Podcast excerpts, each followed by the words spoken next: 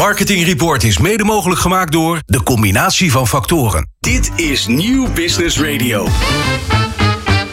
Marketeers vertellen hun beste verhalen hier in Marketing Report. Het programma over media, data, marketing, communicatie en technologie. Elke derde dinsdag van de maand van half zeven tot acht. Dit is Marketing Report, een initiatief van Mediabureau Zicht en Media Meetings. Met vandaag Boris Elleman, hij is manager marketing bij Mastercard. Martin de Boer, director rental en marketing bij Europarks. Arjan Lees, hij is strategy director bij... Uh, struikel ik toch zelf nog even over bij Go- Cogonis. En eh Boedi González de Chavez en Thijs de Boer, stercolumnisten van Marketing Report en oprichters van Bureau bij Voorkeur. En natuurlijk Christian van Dijk, de ziener van Zicht. Dit is Marketing Report. Met Peter Wiebinga en Bas Vlucht. Ja, nu wordt hij dus gewoon uitgelachen omdat ik Cogonis eh, honderd keer goed heb gezegd. En door die ellendige collega Bas. maar gelukkig, ik, doe, ik ben wel blij dat ik jou er een heel groot plezier mee doe, Bas. Dames en heren, beste luisteraars. Arjan Leest, hij is strategy director bij Cogonis. Eh, hartelijk welkom in de studio. Dankjewel. Eh, ik vind het ontzettend leuk dat je er bent. We hebben vooraf even fijn met elkaar gesproken. Eh, en wat jullie doen vind ik interessant. Daar gaan we het over hebben. Eerst vraag ik je om je even kort voor te stellen. Nou ja, mijn naam zei al, Arjan Leest. Ik zal het een keer in één keer goed uitspreken. Van Cogones. Eh Cogones, ehm, een, een bureau in Amsterdam. Ehm, we bestaan vijf en een half jaar. Doen hele leuke klussen voor, eh, voor diverse heel diverse adverteerders. Eh, ja, wat wil je van me weten? Nou ja, heel veel. En je zegt leuk bureau, maar jullie zijn natuurlijk een heel geweldig bureau. Hè? Dat mag je Misschien wel. Jawel, nou ja, Ja. Jullie, eh, op jullie website zag ik bijvoorbeeld staan... Creative intelligence without all the drama. Klopt. En dat vond ik eigenlijk heel, ja, wel, wel een, een trigger. En dat hebben we niet voor niks bedacht natuurlijk. Waar gaat dat over? Nou ja, ten eerste wil je natuurlijk als bureau. ehm, ja, iedereen wil zich weer onderscheidend positioneren. Dat is heel moeilijk, want er zijn zoveel goede bureaus en iedereen eh, heeft zijn eigen plekje wel veroverd. Ja. Ehm, dus wij dat, wat moeten we nou doen? Wij hadden eerst altijd Cogones eh, eh, Strategy and Creation. En dat hebben we eigenlijk eh, vertaald naar ehm, Creative Intelligence. Want ja, we zijn super creatief, maar we doen eigenlijk niks zomaar omdat het leuk is. We doen alles omdat het slim is. Met een hele creatieve saus eroverheen. Dus dat is Creative Intelligence. Oké. En dan Without All the Drama. Ja, dat komt. Dat, dat, ja, vertel. Nou, we hebben allebei gewerkt voor eh, grote bureaus. En ik wil niemand beledigen. Maar, eh, Mag wij- wel hoor. Ja, mag best. dat? Ja, tuurlijk. Nou ja, bij deze dan. eh, nee, wij vinden dat. dat ik ken eh, heel veel grote bureaus die. eh, nou, je, als je een bannersetje laat maken, moet je er drie weken op wachten en 10.000 euro betalen.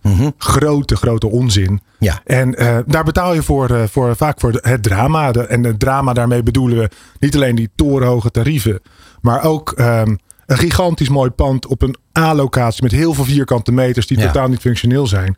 Ja, dat, dat, Die dat tijd is een beetje geweest eigenlijk. het is een soort theater waar nou, onze opdrachtgevers liever niet voor betalen. Die betalen liever voor die creative intelligence. Ja. Dus wij laten dat drama weg. En dan. eh, Nou Arjen, nu moet ik zeggen, nu ben ik toevallig in jullie pand geweest op Sloterdijk. En ik kan eh, met mijn hand op mijn hart zeggen dat je, dat je daar gelijk in hebt. Dat jullie daar niet op een eh, idiote A-locatie zitten met... eh, van de, jullie zitten de, Bescheiden misschien? nou, eh kosteneffectief. nou Oh, ja, zo. sterker nog. ehm, kijk, wij, wij zijn eh, weer sinds anderhalf jaar eh, zelfstandig. En we hadden een plekje nodig. En wij hebben een anti-kraakplek gekregen. Serieus? Ja, ik ben blij dat jij het zegt. Ik wou het niet zeggen. Ja, ik zeg het gewoon. Ik ja. zeg het gewoon. En ehm, Wat grappig joh. En al onze klanten vinden het heel leuk om bij ons te komen. Want het voordeel van anti-kraak is wel... je kan gratis voor de deur parkeren. Midden in Amsterdam. Eh, je, we hebben een zee van ruimte. Dus we hebben een eigen fotostudio ingericht. Onze klanten komen bij ons lekker voor een, eh, eh, voor een goede brainstorm. We hebben ruimte zat. En we betalen bijna niks. Ja, het, is, het klinkt te, bijna te mooi om waar te zijn. Ik hoop ook dat we er nog een tijdje mogen blijven zitten. Ja, eh, en als het niet meer anti-kraak is, ga je dan naar, eh, op zoek naar een nieuw anti-kraakpand of eh, eh, ga je er gewoon huur betalen? Nee, dat, kijk, we betalen nu ook huur. Alleen een, een, heel rela- een heel redelijk tarief voor zoveel vierkante meters. Ja, lekker Eh, zeg. Ja, dus we, we zeggen ook alles wat we nu niet uitgeven, dat sparen we. En het is altijd fijn om een beetje vet op de botten te hebben. Want we willen liever niet ergens aan hoeven kloppen. Hey, eh, en dan gelijk weer even naar het werk, want wij hebben hier niet zo lang geleden hebben wij Arie van Vliet hier in de studio gehad. Ja. Die eh, vertelde over een campagne die, die ging over werken in de optiek. Dat is, dat is ook het merk, zeg maar. Dat is een klant van jullie. Ja. Waarom past dat bijvoorbeeld heel goed bij jullie? Ehm, nou, ik denk het, het past goed bij ons omdat de omvang van de, van de opdrachtgever goed bij ons past. Het is een, het is een stichting. Een stichting zonder, zonder winstoogmerk. Zij hebben ooit een grote pensioenpot van, vanuit de optiekindustrie die over was. Die zou eigenlijk opgaan. eh, nou, volgens mij gewoon in, in een grote belastingpot van de overheid.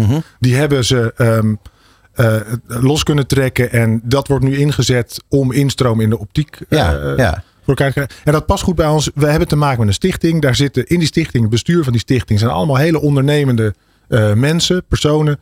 Eh Arie zelf ook een ongelooflijke goede ondernemer geweest. Hij heeft zijn tent ooit verkocht Ja, samen met zijn ja. vrouw. Eh, en doet nu de marketing voor, de, voor deze club. Ja, dan zit je met mensen aan tafel die gewoon weten hoe je onderneemt. Ja, en met passie. En met ontzettend veel passie. En niet via heel veel schrijven tussen personen. Maar gewoon direct heel diep op de inhoud. Ja, jij vertelde mij dat, je, dat jullie eh, eh, ontzettend veel social media campagnes doen. Klopt. Eh, van, waar, van waar die specialisatie? Of is dat niet een specialisatie? Dat is gegroeid. Ja, Ja, het, het- kijk, strategie positioneren was een specialisatie. Eh, En activatiecampagnes. Mijn compagnon Bas en ik, wij komen heel erg uit de retail. ja, En in de retail gaat alles op over korte termijn en activatie. In het stuk waar wij in zaten, vooral below the line. Ehm, en wij zijn eigenlijk toen we, we zijn voor onszelf begonnen omdat we juist dat niet meer wilden. We wilden lange termijn, we wilden zinvolle dingen doen. Het liefst een beetje maatschappelijk verantwoord. Eh, als het een beetje duurzaam kan, ook graag. En eh, dit kwam op ons pad eh, vanuit een netwerk. Ehm, en een van de doelgroepen was jongeren. En we Ja. hadden in het verleden al wat jongere campagnes gedaan voor het Nibud. Dus daar hadden we verstand van, denken wij. ja. En nou, we, we moesten opeens jongeren gaan motiveren om een opleiding voor het MBO optiek te gaan laten kiezen. Ja, dan zit je dus met jongeren die je al vanaf 14 jaar moet gaan benaderen. Waar doe je dat? Dat doe je op TikTok, eh, op Ja, ja, Snapchat. ja, natuurlijk. Ja. Ja, dus dan rol je in die wereld van. eh, Ja, en daar zijn jullie heel goed in geworden. Ja. Die- Nu had ik eh, eh, afgelopen weekend een, een discussie met wat mensen. eh, en dat had te maken met het feit dat heel veel jongeren momenteel met eh, allemaal mentale problematieken zitten. Eh, dat er veel te weinig eh, mensen zijn die, die eh, hen kunnen helpen. Eh, toen werd geopperd dat dat heel veel te maken had met corona. En toen dacht ik eigenlijk, nou dat heeft eigenlijk heel erg veel te maken met iets wat er veel verder vooral ontwikkeld, zich ontwikkelde. En dat is social media. Er zijn heel veel kinderen ongelukkig van geworden. Eh, ik zeg niet allemaal, maar het heeft heel veel problemen veroorzaakt. Is dat iets waar jullie ook over nadenken als je, als je heel veel doet met social media? Ja, absoluut. Ten eerste eh, omdat ik ook vader ben van eh, deze leeftijdsgroep, 15 en 17 jaar. Dus ik zie het bij mijn eigen kinderen. hoe social media en ook corona trouwens er invloed op ze heeft gehad. Tuurlijk. En nog steeds heeft. Vooral het stuk social media. Eh, wij houden er heel veel rekening mee. Kijk, als wij campagnes doen op social media, dan doen wij dat om kinderen bewust te laten maken dat er ook een opleiding bestaat die optiek heet. Ja, Daarbij betrekken we ook ouders. Dus wij benaderen ook de ouders. Omdat wij vinden dat dat gesprek over die opleiding aan de keukentafel moet plaatsvinden. Met ouders erbij. Dus we, proberen, we zijn geen McDonald's die probeert hamburgers te verkopen. Ehm, maar we zijn gewoon aan het proberen om mensen een, een hele goede keuze, duurzame keuze voor een toekomst te laten maken. En, dat is echt anders. ja. en die duurzame keuze, is dat een, een, een, eh, iets wat door jullie hele bedrijf heen loopt? Zodat je dus ook eh, ja, klanten krijgt of werft die, die, die daarbij horen? Ja, zeker. Ja, wij, wij ehm, kijk, we zijn, we zijn niet heilig. Maar ehm, wij hebben het geluk misschien wel. Maar ik denk dat we dat ook een beetje over onszelf afroepen, toch wel. Ehm, dat wij werken voor bedrijven die vooral maatschappelijk of qua duurzaamheid goed bezig zijn. Ja, En dat past ook wel heel goed bij ons. Ik bedoel, ik ben hier wel naartoe gekomen met een auto die op benzine rijdt. Oh. Maar de reden dat dat zo is, is omdat die ontzettende eh, goede elektrische auto's waarmee je, waarmee je een beetje kilometers kan maken, nog zo ontzettend duur zijn. ja, Ja, Ja. en eh, als, als redelijk jong bureau eh, is het heel moeilijk om dus alles maar duurzaam te doen. Want duurzaam is vaak heel duur. Ja, maar het is ook een weg die je moet bewandelen uiteindelijk. Dus, maar we hebben de ambitie om dat te gaan doen. Ja. Maar onze klanten, eh havenbedrijf van Amsterdam. Ja, dat wou ik net vragen. Over Nou. uitstoot gesproken. We moeten Ja. meteen het havenbedrijf denken. Ja, Dat lijkt me ook een toffe opdrachtgever. super tof. Veel boten. Nou, die hebben zelf Nee, weinig nee, boten. maar nee, nee, nee, ja, dat snap ik. Ze hebben Er komen wel veel boten. Maar Er zijn wel Nou, veel veel water. Ja. Ja, nou ja, kijk, ten eerste, het, het is de haven van Amsterdam. Het is niet de haven van Rotterdam waar allemaal olieraffinaderijen staan. Dus de uitstoot van de haven van Amsterdam. Nou, tuurlijk, die schepen en, en die cruiseschepen, Zo. die stoten behoorlijk wat uit. Maar in de houthavens wordt de uitstoot steeds kleiner. Ja, ja want er komen steeds meer huizen. Ja, precies. Ja, Ja. precies. Die stoten minder uit. Nee, dus die haven en die stad die komen steeds dichter bij elkaar. En dat is ook, de, daarom vind ik dat ook een ontzettend interessante eh, opdrachtgever. Zij zitten midden in die energietransitie. Zij, hebben, zij nemen het voortouw om die haven in 2050 CO2-neutraal te hebben. Dat betekent dat ze af willen van, af willen van eh, eh, kolen in de haven. Ze willen af van fossiele brandstoffen in de haven. Ze zullen altijd fossiel moeten blijven opslaan voor Schiphol. Zolang we blijven vliegen, en dat, daar zijn we allemaal schuldig aan, zullen zij hun brandstoffen moeten opslaan. Maar ze proberen zoveel mogelijk nieuwe uitgaven van grond ehm, toe te kennen aan bedrijven die zich bezighouden met duurzaamheid. Bijvoorbeeld met, het, eh, eh, met de windmolenpark op zee. Daar is niet iedereen fan van. Maar het is wel een, nodig om minder CO2 uit te stoten. Eh, voor de cruiseschepen zijn ze bezig om eh, walstroom eh, neer te zetten. Dus dat een cruiseschip niet meer op die generatoren hoeft te draaien als hij in de stad ligt. Maar gewoon op groene elektriciteit. Eh, of dat ooit gaat Ik dacht dat gebeuren, het al, al zo zou zijn geweest. was het maar zo. Ongelooflijk. Ja, het probleem is nu de energiecongestie. Dus het, het netwerk van de energiemaatschappijen kan niet genoeg stroom leveren om het nu al te realiseren. Ja, Met als gevolg dat nu de gemeente van Amsterdam eigenlijk die schepen al helemaal de haven uit wil hebben.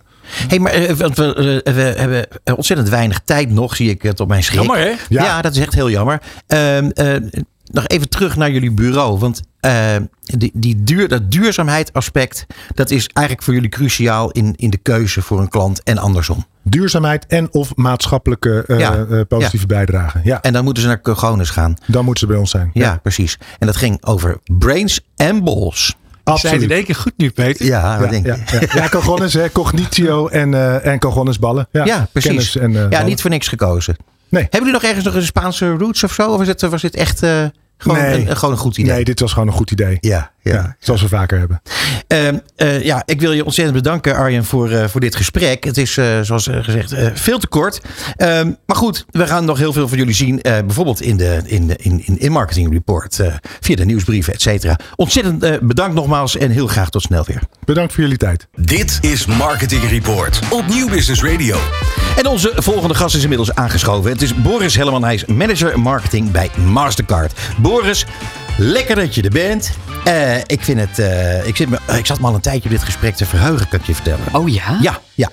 En dat heeft te maken met het feit dat jij niet alleen eh, ja, de, de manager marketing bij Mastercard bent, maar dat je net ook een campagne hebt gedaan.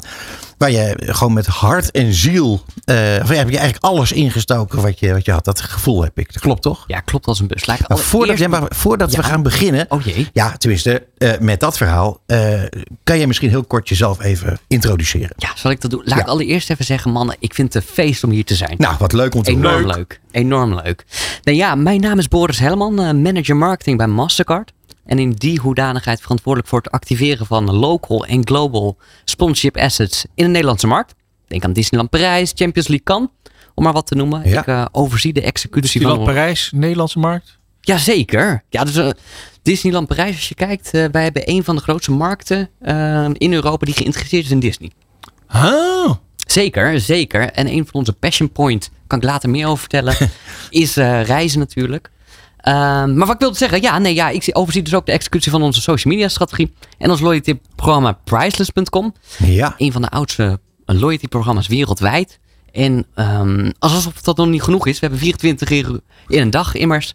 Ehm, op Europees vlak eh, ben ik als Pride Business Resource Group Lead verantwoordelijk voor de activiteiten voor de LGBTQ community. Ja. Dus intern policies bijvoorbeeld en extern, nou denk aan zoiets als, eh, als Pride. Ja. Ik heb er meteen een vraag over. Jeetje. Die, die Pride, was Pride Week was in Amsterdam, hè? Ja. Maar die, die heb je toch eh, door heel Europa, is niet op hetzelfde moment, hè? Het is steeds een ander moment. Ja. Dus daar ben je dus heel druk mee dan. Daar zijn we best wel druk mee geweest. En ik moet je zeggen, eh, wij zijn de afsluiter in Europa van Pride als het daarom gaat. In eh, Amerika zijn ze bijvoorbeeld al veel eerder.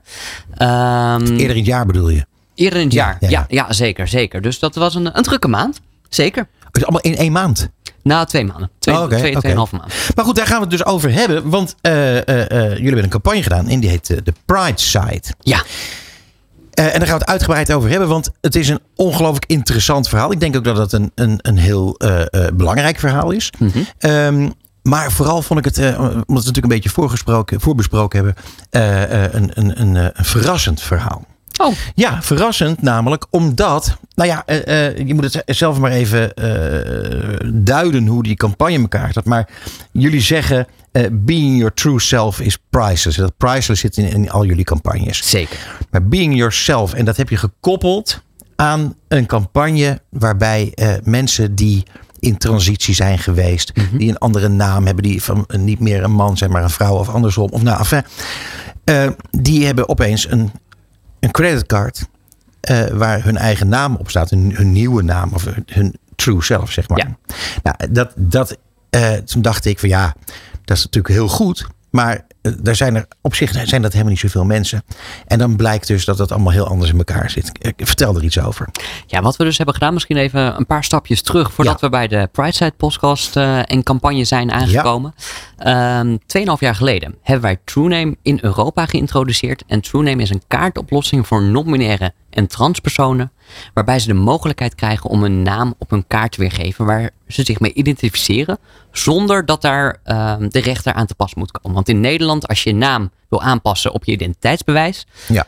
ja, dat is best wel een uitdaging en moet je gewoon naar de rechter om dat te doen. En ja, dat is met name voor non-binaire en transpersonen echt een uitdaging. En ehm zodoende is TrueName geïntroduceerd. Ja. Dat hebben we samen met Bunk gedaan. Want voor, voor de luisteraars, Mastercard geeft zelf niet de kaart uit. Dat Nee. doen wij met de geweldige partners die we hebben. Zoals eh, een ING, maar Bunk in dit geval, om maar wat te noemen. En daarmee hebben we dus 2,5 jaar geleden TrueName geïntroduceerd, die kaartoplossing.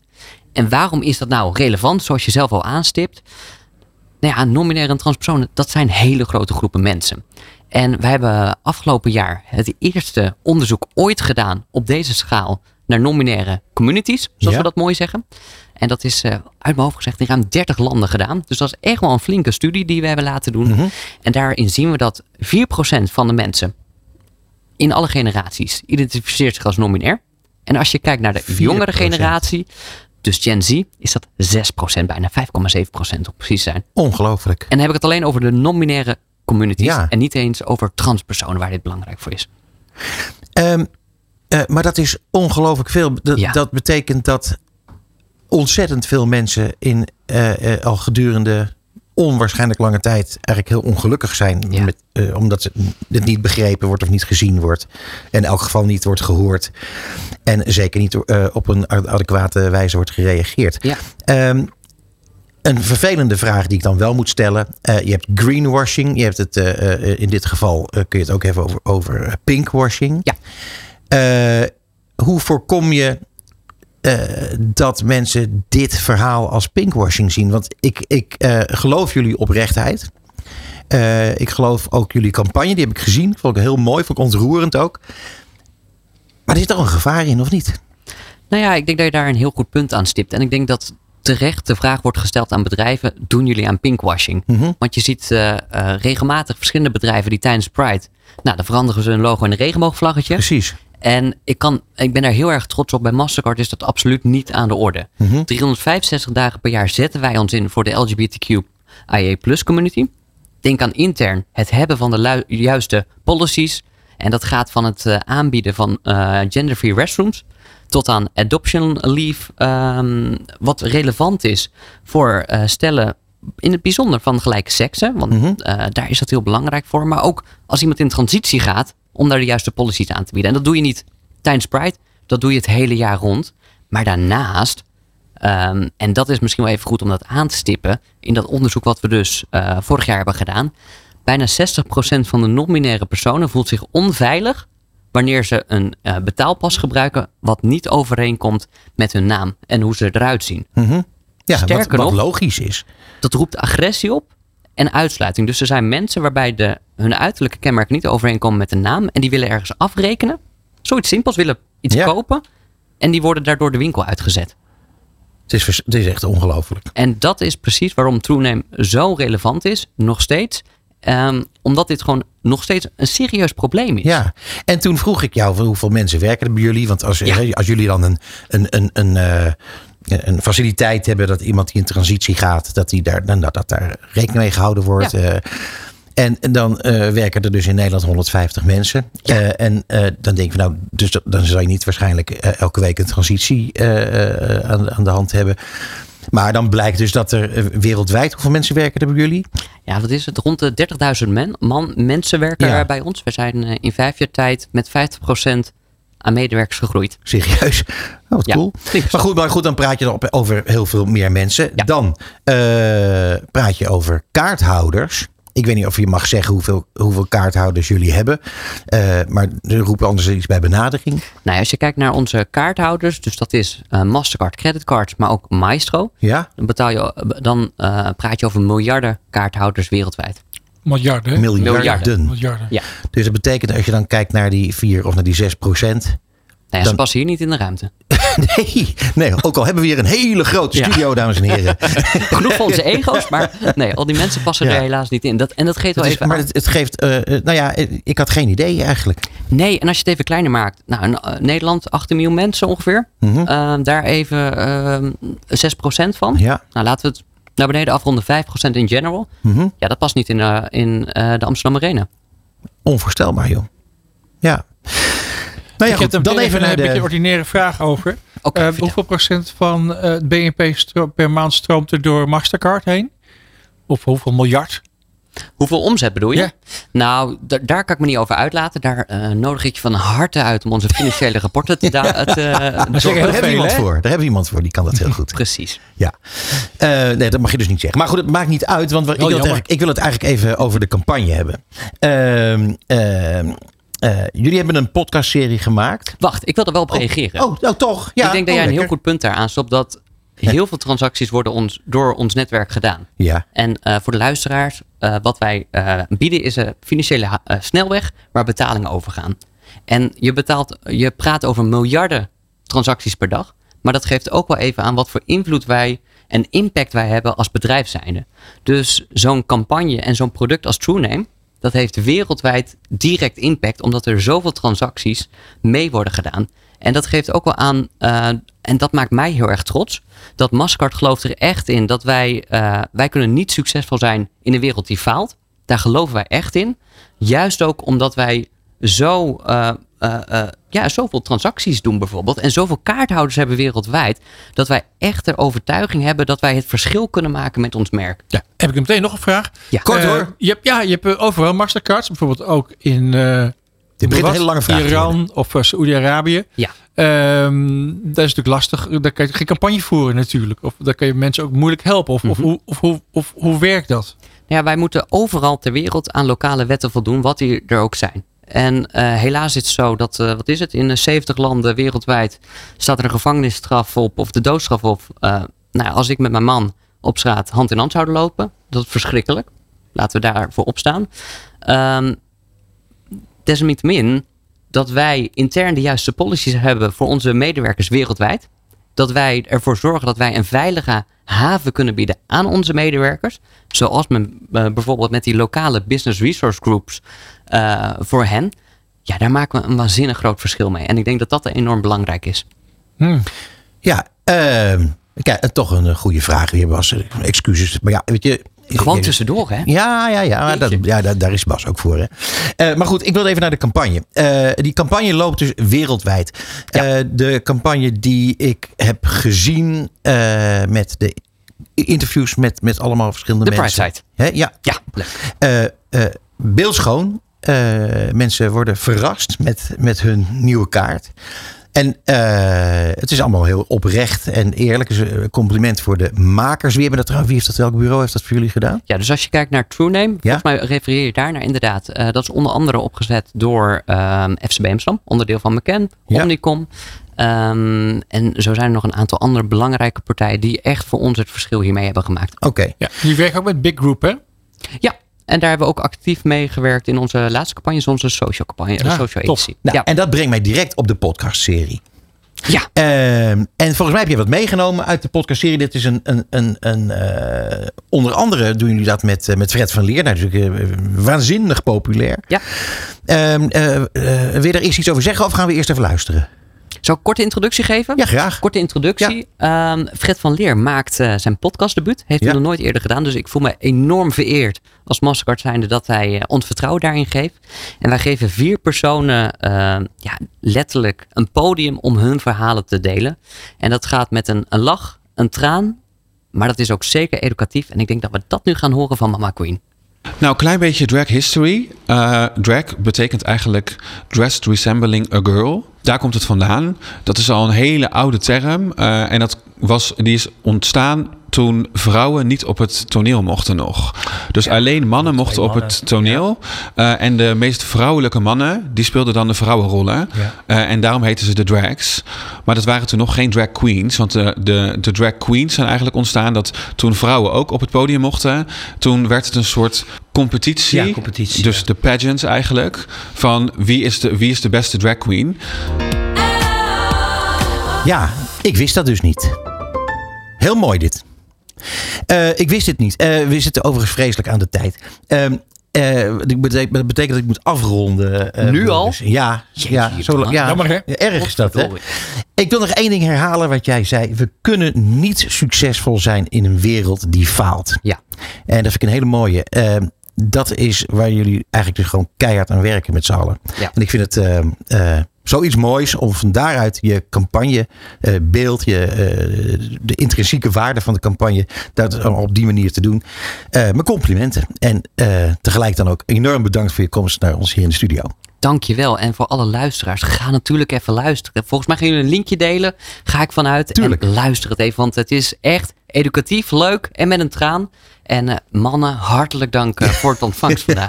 Het was ons genoegen. Thanks, dankjewel. Dit is Nieuw Business Radio. Dit is Marketing Report. Met Peter Wiebinga en Bas Vlucht. Marketing Report. Zicht op media. Ja, zicht op media. Het is, eh, we zitten ons er elke keer weer om te verheugen. En eh, nu dacht ik eigenlijk eventjes dat we hier, dat hier vandaag Rogier Bruggeman, eh, ook altijd zo gewaardeerd, zou aanschuiven. Maar nee hoor, twee keer achter elkaar. Niemand minder dan Christian van Dijk. Surprise, surprise. Ja, Hoera. nou leuk dat je er bent man. Ja, zeker. Zeker. Altijd Eh, leuk om hier te zijn. Hé, hey, maar weet je wat ik, nou, wat ik me zit af te vragen, eh, Christian? Ehm, eh, jij bent net terug van vakantie, geloof Ja, ik, hè? Nou, klopt. ik ben ook een weekje terug intussen. Bas, die, die gaat op en neer. Die, die is bijna continu op vakantie. Hij ziet er vandaag ook zo uit. Voor de luisteraars, je kan het niet zien. Maar Maar inderdaad, is in zijn vakantiekloffie. Eh, en, ehm, eh, maar als ik dan eens een beetje om me heen kijk... in de, in de marketing report is heel veel te lezen en te zien. Alleen als je nou praat echt over, over nieuws... Ik ben heel benieuwd waar je mee komt... want het is toch een beetje komkommertijd. Nou, je voelt hem aan. En ik had er ook wel een beetje moeite mee. Eh, het is inderdaad wel een klein beetje komkommertijd. En eh, ik kom net terug van vakantie. En het was gisteren en vandaag toch weer gekkenhuis. Maar jij bent niet Eh, voor een kleintje vervaard, zeg ik Nee, precies. Want kijk, uiteindelijk, het grote nieuws is, is er inderdaad niet. Er zijn toch een hoop mensen op vakantie.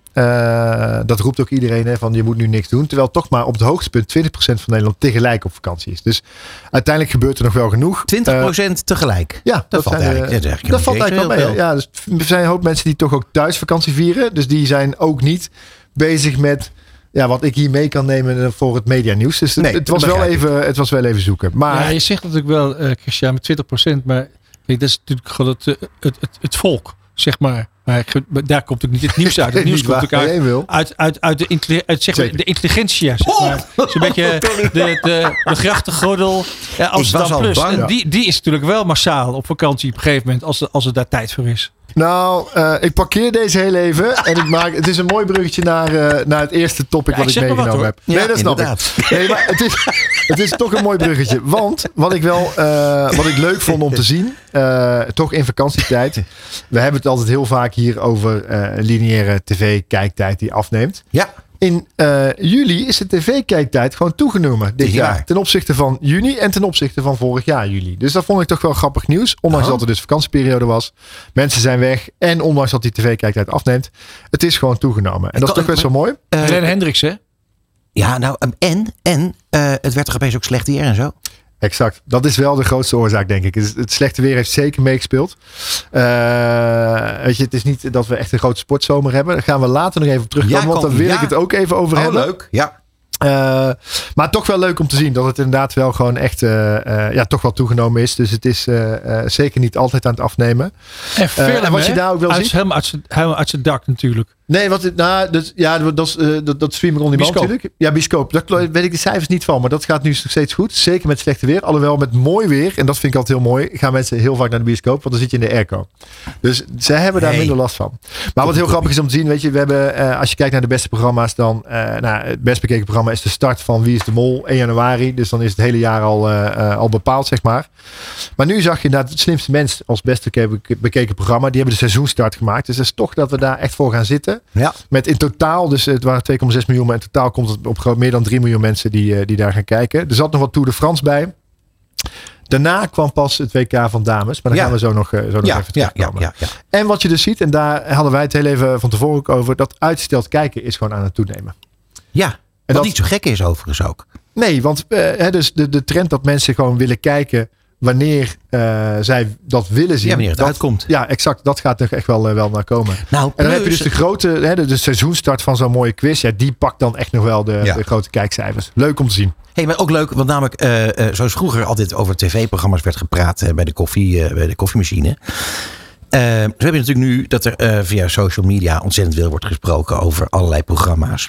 Dus dat betekent dat eh, die functie van de koffiemachine, zeg maar, die wordt een heel groot stuk door de social media overgenomen. Ja. En dat betekent dat er daardoor weer heel veel mensen extra gaan kijken naar bepaalde uitzendingen. Zo heb ik bijvoorbeeld hoe heet de zomergasten teruggekeken. Ja. Omdat ik hoorde en las dat er hele toffe dingen eh, gebeurden in dat programma. Terwijl ik ze toch niet altijd graag wil zien. Niet Nee. altijd. Nee, Ja, klopt. Te lang. Ja, en er zit- er zit ook nog wel iets anders aan. Wat ik ook wel altijd leuk vind, is dat de, ehm, de gesprekken bij de koffieautomaat, als ze echt ver gaan over een grote show die de avond daarvoor is geweest, dan ga je hem niet meer nakijken. Dus dat is ten voordele van wel lineair kijken. Mhm. Eh, je moet dan bij sommige programma's echt wel voorkomen dat je met de koffie, bij de koffieautomaat Nee, met mensen gaat praten.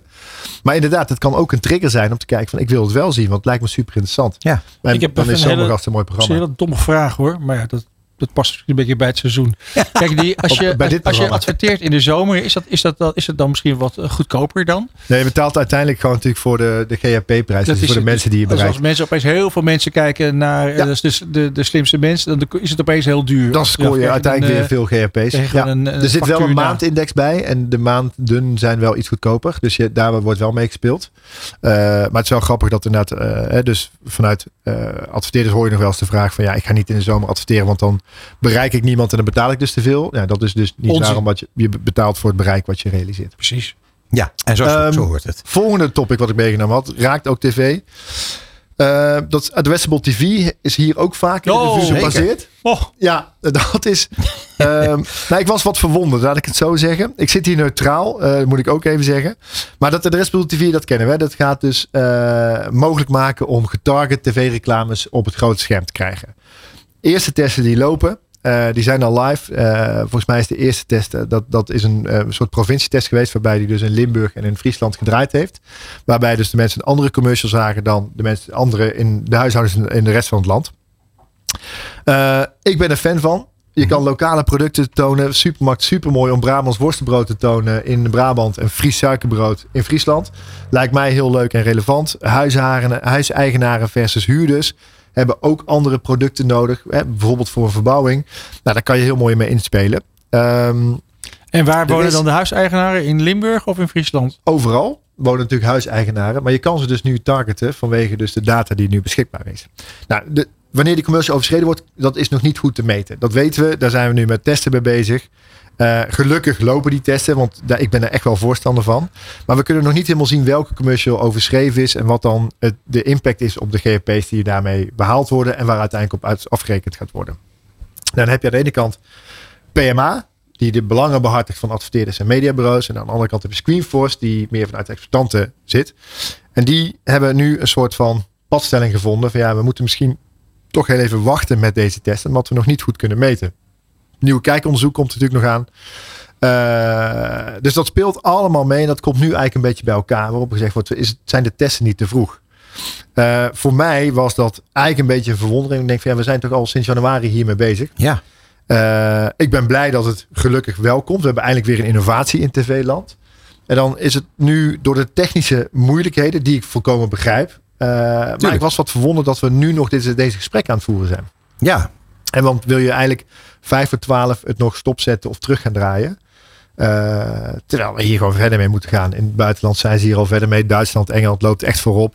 Maar Eh, we moeten niet- dit gewoon gaan doen. En Maar- ik zie daar kansen voor adverteerders. Ehm, hè, dus die zijn er. Er zijn natuurlijk ook maar de learnings uit het buitenland.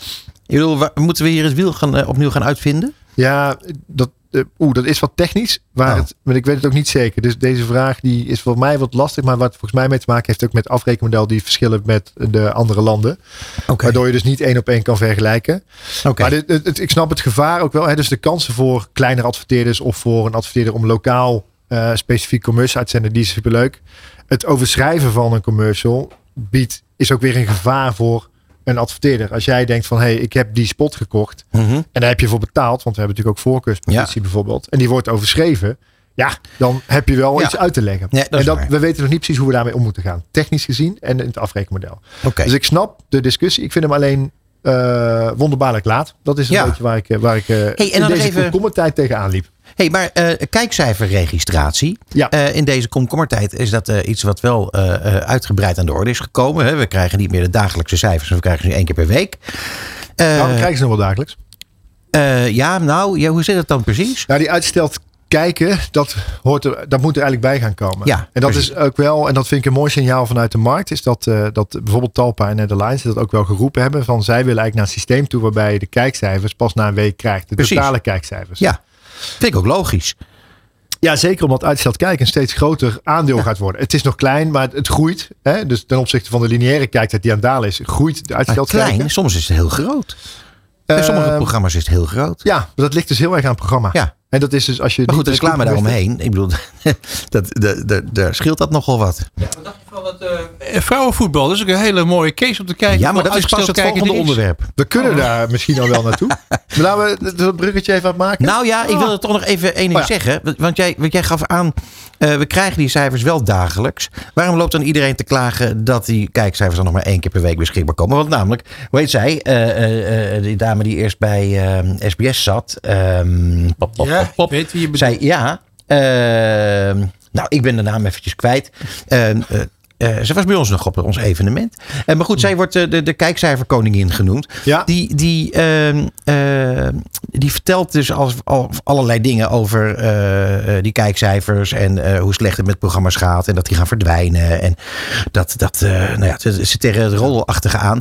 Maar, als, maar één, en die is niet erg blij met eh, kijkcijfers per week. En die zegt dan van ja, het hele businessmodel gaat eraan. Tenminste, dat zegt ze niet, maar dat is natuurlijk wel zo. Ja. Die kan helemaal niet dagelijks meer van alles vertellen dan. Nou ja, wat, wat, ik dus net zei, wel krijgt. wat ik dus net zei is dat, dat eh, dus Talp en Airlines ook wel uitgesproken hebben. eh, dat ze wel fan zijn van het model. Dat je de kijkcijfers pas later krijgt. Mhm. Want dat zijn de werkelijke Echte cijfers, ja, precies. Dus ik geloof daar ook wel in dat dat, dat echt de waarde is. Ja. En je moet dus uitkijken met conclusies trekken die na één dag al. eh, op basis van cijfers na één dag. Want dan, dan ben je er gewoon nog niet. Nee. Dus je kan niet zeggen dat het programma niet succesvol is geweest. Eh, als je daarna nog 100 of 200.000 kijkcijfers Precies. erbij krijgt. Ja. Ja. Dus die, die, Hey. dat uit, uitgesteld, uitgesteld kijkcijfers, dat is volgens mij heel goed. Ja, denk ik ook. Ja. En eh, Bas die wilde iets weten over het wereldkampioenschap voetballen eh, door eh, vrouwen. Ja, Bas. Ehm, nee, Oh. ik wil iets weten over... We hadden het over uitgesteld kijken. Oh ja. Omdat heel, natuurlijk heel weinig mensen het leuk vinden om vier uur s'nachts naar een wedstrijd te gaan kijken. Ja. Die ze anders wel hadden willen zien. Kan je mooi zien hoe dat uitgesteld kijken. Of daar nog een enorme boost in komt. ik weet het van de voetbalwedstrijden, weet ik het niet. En ik, dat, Het zal dat, tegenvallen, denk ik, want Ja. de uitslag weet je dan al. exact, ga je dan nog kijken? Of dan ga je hem heel versneld kijken of zoek je ergens een samenvatting op. Weet je, dat is bij sportwedstrijden En dan ga je de natuurlijk reclame een, overslaan. eh, ding. Ja, dus ik denk dat daarvoor zal het niet zo, eh, zozeer gelden. Eh, misschien zijn er zeker wel fans, want dat zag ik wel. Er er zijn echt wel fans van het WK damesvoetbal. Ja. Eh, ondanks, en dat was een beetje het kip-en-ei verhaal, maar dat er heel weinig media-aandacht aan gegeven wordt. Maar hoe kan dat? Want eh, het- gaat eh, heel goed met het vrouwenvoetbal. Ja. Ik heb ook het idee dat dit WK aan zich een enorm succes is. Ehm, eh, Sportief gezien, ja. hè, maar ook qua media-aandacht in andere landen. Eh, ik geloof dat het nu ook echt opeens enorm op de kaart staat in, in Oceanië, heet het daar, geloof ik. Ehm, en die kant van de wereld, Ja. eh, waar het eigenlijk non-existing was, ik maar zeggen. Ja, het tijdsverschil is echt wel de grootste boosdoener geweest. Ja. Het waren natuurlijk echt rampzalige tijden. Ehm, Maar waarom laten adverteerders het dan liggen? Ja, dat vraag ik me dus ook af. Kijk, ING is erop ingespeeld. We waren Mhm. natuurlijk ook hoofd, of zijn hoofdsponsor. Dus Ja. die zijn uiteindelijk wel eh, verplicht om te doen, zeg maar. Ehm, maar ik vond ook wel wat zij. eh, zij hebben dan een campagne gemaakt die gaat over de ongelijkheid. En niet een campagne over de sport of over hoe goed ze zijn. Wat ik heel jammer vind. Ik vind dat eigenlijk een gemiste kans. Eh, ik vind sowieso een gemiste kans dat er weinig adverteerders op ingespeeld hebben. ondanks dat tijdsverschil. En Frankrijk heeft, dus niet echt adverteerder, maar de Franse voetbalbond heeft een hele mooie campagne gemaakt. Waarbij ze de vrouwen voetballers het spel hebben laten spelen. Maar door technologie hebben ze in die film de vrouwen vervangen door de sterspelers van het mannelijke elftal. Oh. Dus het was alsof je aan het kijken was naar eh Mbappé die aan het voetballen was. En op een gegeven moment vervaagde die en zat je dus naar een vrouwenwedstrijd te kijken. Oh ja, Oftewel, grappig. er is geen verschil, want deze wedstrijd vond je dus ook mooi. Want het was wel een heel mooi doelpunt. Ja, die ging uit van de positieve kant. Dus ik, ik- daar vind ik het wel jammer. Alleen, weet je ook, er zijn weinig eh, sportprogramma's geweest die erover gingen praten. Eh, en dan krijg je gewoon dat het niet echt gaat leven. En dat, Mhm. dat viel mij wel enorm op in, in het medialandschap. Dat het WK er was, maar dat je eigenlijk weinig gehoord hebt. Zeker nu we eruit zijn. Ja. Ik, Ja, weet, jij wie, weg. weet jij wie er nog door zijn? Nou, toevallig heb ik dat eh, vanmorgen gelezen. Oké. Maar, ehm, eh, maar het, is, het, is, het is nauwelijks in het Ja, nieuws. Nauwelijks. dus er is dus eigenlijk een soort Max Verstappen effect ook nog. Van nou, oké, zolang Nederland erin zit, kijken we naar het WK. Eh, zodra die eruit zijn, is er weg. En er was al wel wat verminderde aandacht. Er zijn ook wel wedstrijden die pakken wel gewoon anderhalf miljoen kijkers. Hè? Dus eh, s'nachts. Ja, dat is waar. Dus in die zin eh, is er echt nog wel ook wel eh, gelukkig positieve aandacht geweest. Heb ik tenslotte nog één vraag aan jou, Christian. En dat is, hoe vaak ben jij s'nachts opgestaan voor een wedstrijd van het Nederlands elftal? Tijd zat erop, toch, denk ik? Nee, Oké. nul keer. Ja. ja, ja, nee, Ja, goed. nee, helaas, dat nee, zeg ik ook nul. en, en ik denk dat er in deze... eh, in dit gebouw eh, heel weinig Ja. mensen dat hebben gedaan. Dus het, eh, het, zegt ook ook. wel weer, eh, weer wat. Eh, Christian, eh, ondanks alles eh, eh, vind ik dat je toch weer eh, fantastische dingen hebt meegenomen. Bas die Ik wil nog iets, eh, iets zeggen, hoewel de tijd om is. Ze heet Tina Nijkamp. Tina Nijkamp, ja, heel goed. Die zochten we. Kunnen we daarmee afsluiten? Dankjewel. Hey, en eh, Christian, dank voor je komst weer. Ja. En eh, volgende keer eh, ben jij er zeker weer, want het is jouw beurt weer. Of, of misschien komt er ook hier. Gaan we even We uitzoeken. gaan het zien. Dankjewel. Superleuk, dankjewel. Dit is Marketing Report op Nieuw Business Radio. Ja, en onze volgende gast is Martin de Boer. Hij zit al voor de derde keer bij ons in de studio en daar zijn we ontzettend blij mee. Hij is eh, Director Rental en Marketing bij Europarks. Martin, Heren, wat leuk dat je er weer bent, jongen. geweldig dat ik er weer mag zijn. Nou, eh, het werd eigenlijk grappig genoeg wel weer eens tijd. En dat zeggen we bijna nooit tegen onze gasten. Maar, want, ja, je bent de eerste die, die voor de derde keer eh, hier eh, is binnengekomen. Eh, Terwijl vorige allerlei keer- andere toppers hadden kunnen krijgen. Ja. Ja, maar ja, zo bedoel, mag- ja, zo gekund. het, het kan altijd groter en beter. Martin, wij wilden Jongens, bij de Ja. vierde keer neem ik een pondje paling mee. Uit Oh. Dus dat is gelijk de uitnodiging voor de vierde keer. hey, maar vorige keer eh werkte jij nog bij een andere onderneming. Ja. Eh Corendon. En, eh, en nu zit je bij eh, Europarks. Europarks is van Waterland Private Equity. Ja. Hoe, is dat, hoe is dat gegaan? Hoe, hoe ben jij van, van, van toch eigenlijk wel... Ja, het, is, het, is wel, het heeft wel iets met elkaar te maken... maar toch een andere tak van sport zou ik zeggen. Ja, het is eigenlijk wel een heel mooi verhaal. Een mooi verhaal voor mij, maar in de coronatijd kwamen we eigenlijk, kwam Corendon eigenlijk helemaal stil te liggen. Ja. Geen vluchten meer naar buitenland. En via, eh, nou, via, via kwamen wij in gesprek met eh Europarks. En kwam het idee, nou, heel veel foutjes waren natuurlijk verstrekt aan mensen. Eh, niemand kon naar buitenland vliegen. En toen kwam het idee, is het niet leuk als Corendon Europarks gaat aanbieden? Ja, vakanties in Nederland voor het eerst bij Ja. Corendon. Nou, zo kwamen wij in contact met, eh, met Europarks. Is uiteindelijk Corendon Europarks gaan aanbieden. Want niemand kon naar buitenland. Dus iedereen kon bij Europarks de foutjes inwisselen. Nou, zo kwam ook contact met, eh, met Europarks. Eh bleek alleen even één kink in de kabel te zijn. Dat eh, een andere partij verantwoordelijk was voor de verhuur van Europarks. Oh, ja, en uiteindelijk is toen besloten vanuit de directie van, van Europarks om zelf de verhuur te gaan opzetten. ja, toen kwam ik erboven. Ja, het is grappig, want namelijk, eh, ik vond heel eerlijk gezegd dat jullie eh, in die coronatijd met Corendon al zulke ongelooflijk slimme dingen hadden gedaan. Hè, met met eh, Costa Hollanda, dat was al een briljant idee, eerlijk gezegd. En dit, dit sluit daar wel een beetje, of eigenlijk Ja. heel goed op aan. Naadloos op aan. Naadloos, ja. Ja. Ik vind het knap. Ja, en uiteindelijk heb ik wel daarna gelijk, ja, natuurlijk een mooie periode gehad. In coronatijd hebben we als Europarks een flinke spurt gemaakt. Mhm. Mensen ja, werden bijna opgeroepen door Rutte om in Nederland te blijven en Ja. vakantieparken te boeken. Ja. Eh, ja, met je gezin mocht je dat natuurlijk gewoon ja, doen. met je gezin mocht je in een huisje. Ja, dat, dat heeft een enorme eh, Ja. impuls gegeven. Maar is de, eh, eh, hebben ze jou met plezier laten gaan bij Corendon? Nou, het was moeilijk. want het was ook natuurlijk midden in de tijd dat... Ja, dat had ook geweldig naar je zin. ik, had, ik- ja, ik heb 7,5 jaar een geweldige tijd Ja. bij Corendon gehad. En Ja. zeker met Attelij. eh, en met, eigenlijk met alle collega's waar ik nog steeds contact mee heb. Eh, maar het was ook natuurlijk een moeilijke periode. Waarin Corendon destijds ook bij de ACM nog steeds eh, in een overname zat met Sunweb. Wat in die periode toen ook niet door is gegaan. Ja. Dus het was ook een, een periode die eigenlijk een afsluiting was. En toen ben ik uiteindelijk ook... ja, toen heb ik een stap genomen om Ja. Een nieuwe uitdaging. Ja, en dat was nogal een uitdaging, omdat, eh, als ik het goed begrepen heb, eh, Europarks, en dat, dat, groeide, er werden overnames gedaan. De- Ja. wat je vertelde, verschillende familiebedrijven die bij elkaar kwamen of uit elkaar werden getrokken. Dat zijn vaak de, de meest ingewikkelde eh, eh, eh, manieren om, om een bedrijf op te bouwen. Want daar heb je te maken met heel veel verschillende culturen, denk ik. En met, nou ja, toch met gevoeligheden, neem ik aan dat je daar tegenaan Ja. gelopen bent. Ja, ja.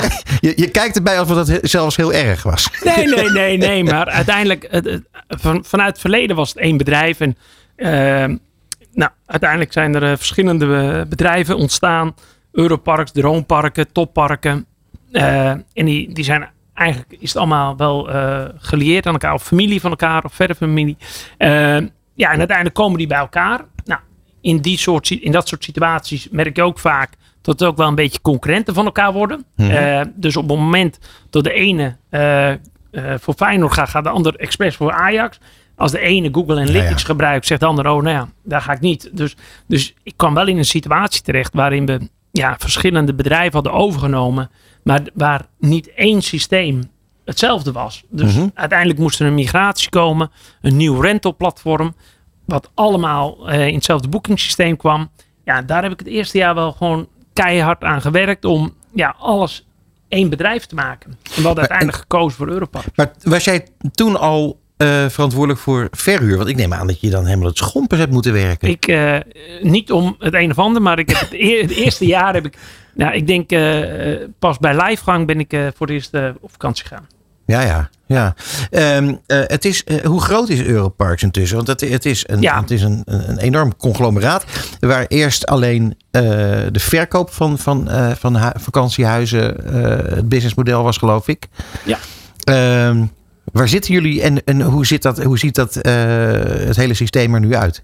Mooie vraag. Ja, dat is A, we zitten in Apeldoorn. Ja, Van oudsher zitten heel veel eh, eh, ja, vakantieparken en, en vooral de hoofdkantoren in, eh, in het oosten van het land. hoe komt dat? Ja, dat uiteindelijk daar ontstaan op de Veluwe. Staakervens, werden Ah, eh, oké. vakantiehuizen. Eh, nou, eigenlijk alle, behalve dan één, zit in Zeeland. Ehm, maar ehm, ja, we zitten in Apeldoorn, hoofdkantoor. Ehm, nou, de wel mooi om te vertellen, 2,5 jaar geleden, toen ik binnenkwam, nu bijna drie jaar geleden, eh, hadden we 34 parken. Nou, nu zitten we op 62 parken. Zo. Eh, waarvan 53 operationeel. We zitten in vijf landen. Nederland, België, Luxemburg, Duitsland en Oostenrijk. En nog één park in Bonaire. Eh, dus uiteindelijk zijn we enorm gegroeid. Zitten we nu op nou, ruim 1300 medewerkers. Ook over alle parken heen. Ja, en, en, en zitten we echt, en dat, dat, dat vind ik gewoon mooi, ook waar we nu hiervoor zitten.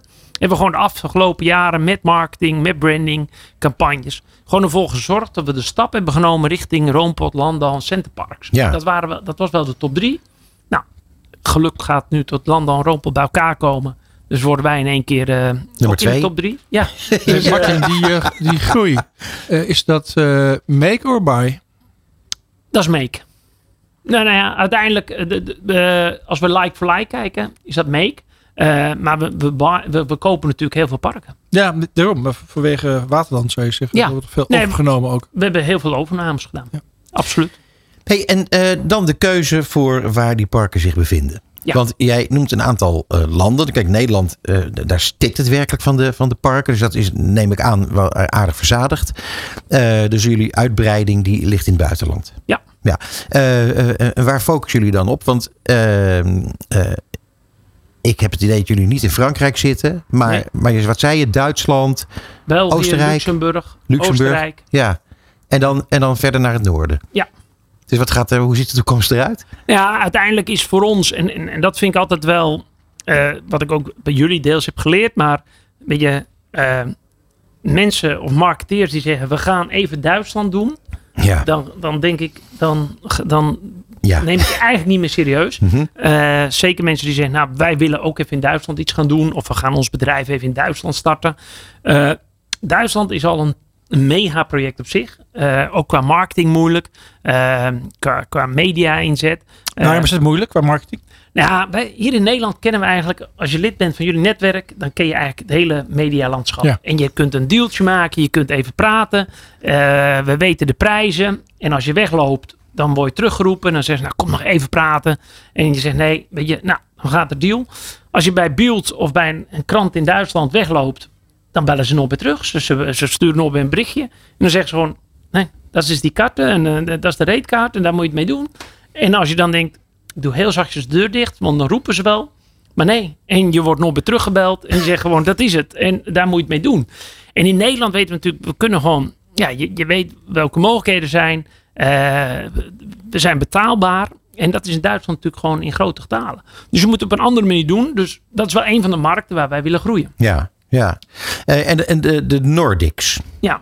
Ja, Eh, die- ja, dat vind ik interessant. Want namelijk, ehm, eh, ik, heb, ik hoor altijd van mensen. Ik heb, er- ik, ik heb er wel belangstelling voor. Maar ik ben eigenlijk die kant bijna nog nooit op geweest. Dat mensen het allemaal heel mooi vinden en, en- ook duur. En zou ik me kunnen voorstellen dat als je in een park terechtkomt. Dat dat een heel andere historie is. En dat je eh, gaat rondtrekken door, eh, door, door Scandinavische landen bijvoorbeeld. ja. Eh, ja, hoe- hoe- wat gaan jullie daar doen? Nou, voor ons is dat nog echt. eh, Is het op ver de- weg? Ja, ver weg. Ik, ik, ik, we hebben de markt gekeken. maar echt, weet je, ik, wat ik het belangrijkste vind. Focus, focus, focus. Als je echt wil groeien, moet je eigenlijk nu in de landen waar je nu eh, aanwezig bent, dat is Duitsland, Oostenrijk, daar goede, eh, een goede presence krijgen. Mhm. Het goed doen. En dat is eigenlijk voor ons nu de focus. Ja, begrijp ik. En, eh, Oké, daar hebben we Bas. Die wil iets zeggen hoor. Ja, we hebben tot nu toe, eh, het gesprek duurt nu tot nu toe een minuut of tien. Hebben we het nog buiten de deur kunnen houden. Maar nu gaat het gewoon echt niet langer weer. We moeten het eindelijk hebben over Feyenoord. Fijn Nou, ik heb het gezegd. Het is eruit. ja. ja, marketing kan toch, hè? Marketing, eh, sponsoring. Ja, jullie zijn sponsor van Feyenoord. Ik heb Ja. daar eh, drie vragen over. Zo. De eerste vraag is, eh, eh, ja, waarom? Ja, dat is een, is een hele goeie. Als je ook even goed eh, research doet, en dat doen jullie altijd. En ik, ik waardeer het ook dat jullie dat niet gelijk nu naar voren brengen. Of dat is de tweede vraag. Maar een van de, de, de persoon die op een congres ooit heeft verteld, ga nooit een van de drie sponsoren. Die zit hier. Ehm, eh, want je bekent kleur. Eh, ik kwam binnen en toen eh, nou, hadden we al het droomparkencontract met Feyenoord. En ik moet eerlijk zeggen, ik was ook wel de eerste die zei, nou, daar moeten we in ieder geval eh, afscheid van nemen. En dan kom je bij Feyenoord, een volksclub, ontzettend grote aanhang, eh, de betrokkenheid.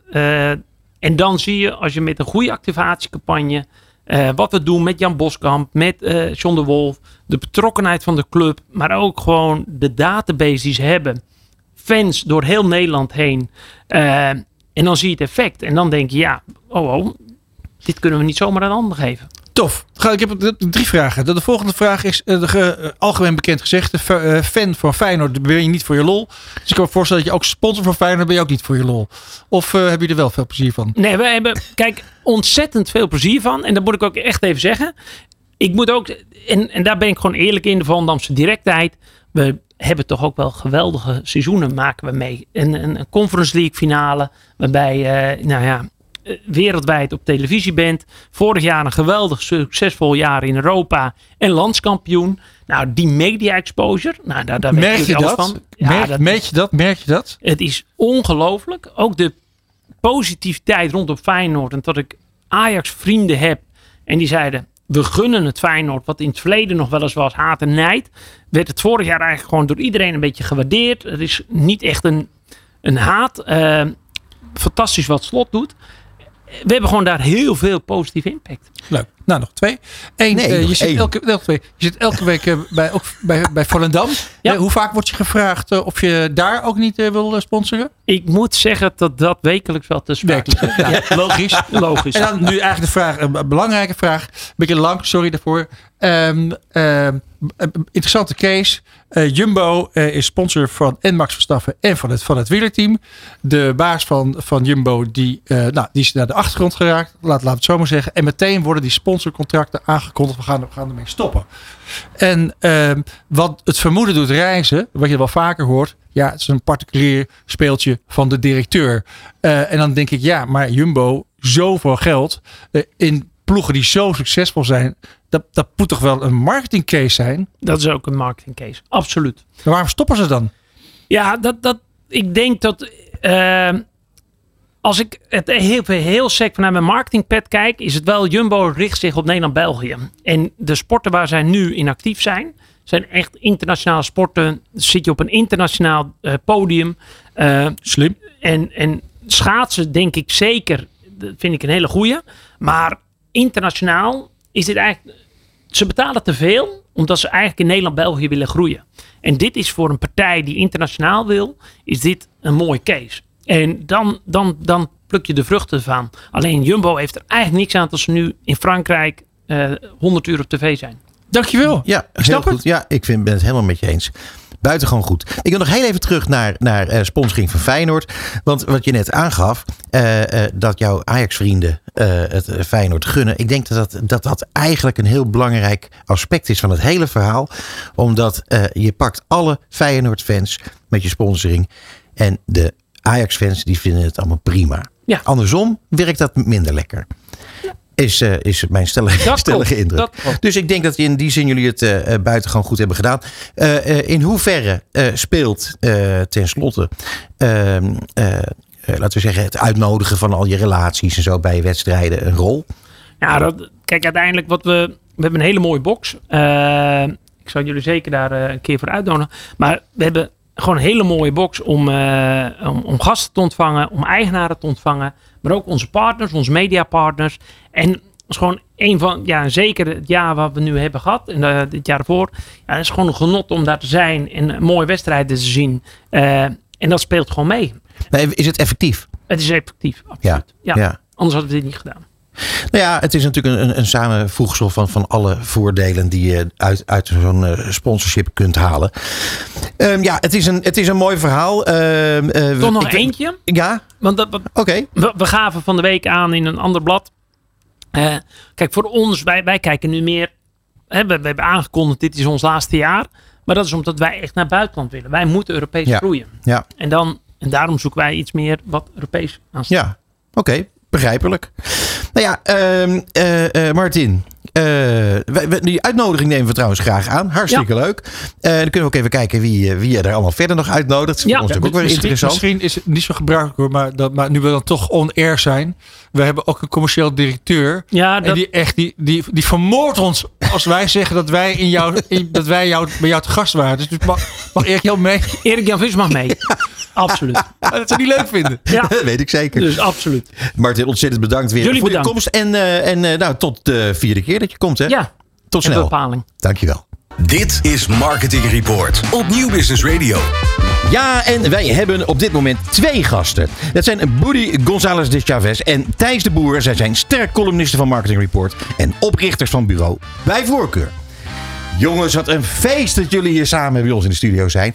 Eh, ik zie jullie eigenlijk altijd alleen maar op eh, afstand. Overigens wel tot mijn grote plezier eh, met z'n tweeën elke keer in de kolommen van eh, Marketing Report. Eh, ik lees dat met, eh, met buitengewoon groot genoegen. En dan is het ook heel grappig. Ik moet er heel vaak ontzettend om lachen. En dan zie ik twee van die hele serieuze gezichten hier tegenover mij. Dat is- ja, dat, dat, is, dat is toch een hele gekke gewaarwording. Eh, zijn jullie normaal gesproken, laten we zeggen, op, op kantoor kijken jullie dan heel, heel vrolijk en zo? Of is het, eh, eh, is, is dit de blik die we normaal gesproken bij jullie op Hoe kijk ik Thijs? Ja, ik heb het idee dat ik heel... Boos. Kijk. Ja, kijk, Ja, boos. boos. Oh, dan ga ik heel even... Als jij even praat, ga ik even mijn ademhalingsoefeningen doen. Ga ik even Ja. openstaan. Oh ja, dat is goed. Ja. Ja. nou, ja, we hadden ons voorbereid op een heel serieus Ja. interview. Dus Nou ja, dat we serieus. Nou, dat komt dan ook kwaliteitsradio. goed. Dus Ja. Het is ook kwaliteitsradio. daar past dit hoofd bij. Ehm, ik hoorde net een, een, een muziekje waar ik eh, zelf een beetje bezwaar had tegen het geouwe hoer van de twee hoofdpersonen. Eh, nu zie ik een andere hoofdpersoon uit diezelfde periode een beetje. En die haalde ik uit jullie teksten. Als je in 2007 moest kiezen tussen verantwoordelijk zijn voor het Cadbury-merk of besneden worden door Stevie Wonder, dan koos je lachend dat laatste. Ja. Dat vind ik echt serieus. Dat vind ik een vrij goede tekst. Eh, hoe werkt. Nee, laat ik even eigenlijk helemaal opnieuw beginnen. Zouden jullie je misschien even willen voorstellen? Niet zozeer als eh stercolumnisten, maar als eh, de mannen van bij voorkeur. Even, eh, gewoon kort, even over jezelf en over het bureau. ja, zal ik... Ja, Mario. Ja. Ja. Ja. Ja, want ik kijk het meest serieus. Heb Ja, doe jij maar. Doe, Ja, Rudy, dus doe jij maar. serieus. Eh, eh, eh, Boedi, González de Chavez. Ik heb ooit eh, psychologie gestudeerd. Omdat ik erachter kwam dat er geen 7 VWO was. En ik van school af moest. En ik dacht, "Kut, en nu? Ja, Eh, dus toen ben ik eigenlijk een beetje per ongeluk psychologie gaan doen. In die tijd kwam ik erachter dat ik reclame eigenlijk wel heel leuk vond. Ben de reclame per ongeluk ingerold. En, ehm, en nooit meer weggegaan bij best een aantal bureaus gezeten. Bij een aantal van die bureaus ben ik Thijs eh, tegengekomen. Tot wel drie keer. Dat begon bij Ubachs Wisbrun JWT. Voor de ja. oude luisteraars onder ons. Walter Thompson. Zo is het. Eh Havas hebben Thijs en ik eh, samen twee jaar in het MT gezeten. En ehm, eh, het bureau waar wij als laatste zaten voordat we bij voorkeur begonnen. Chill. Ehm, daar was Thijs al creatief directeur. Vroeg mij daar om managing director te worden. Dus dat was de derde keer dat we samenwerkten. En ehm, eh, na twee jaar eh, chill eh, dachten wij, zullen we dit niet voor onszelf gaan doen? Ja, Ja. ik heb daar een vraag over meteen. Nu al? Zo. Ja, meteen. Ja. Was dat, was dat zonder dat jullie dat bureau verder hoeven af te branden, Ja. nergens voor nodig, mocht je dat willen. Eh, maar goed, was het nou een, een, een push factor, een pull factor of een combinatie? Tractor. Ik hoop niet het laatste, maar dat, dat Nee, wij, op zich, het, het ging eh, eh, oprecht heel erg goed eh, bij Chill. Wij hadden ons laatste volle jaar het, het beste jaar ooit, zowel financieel als creatief.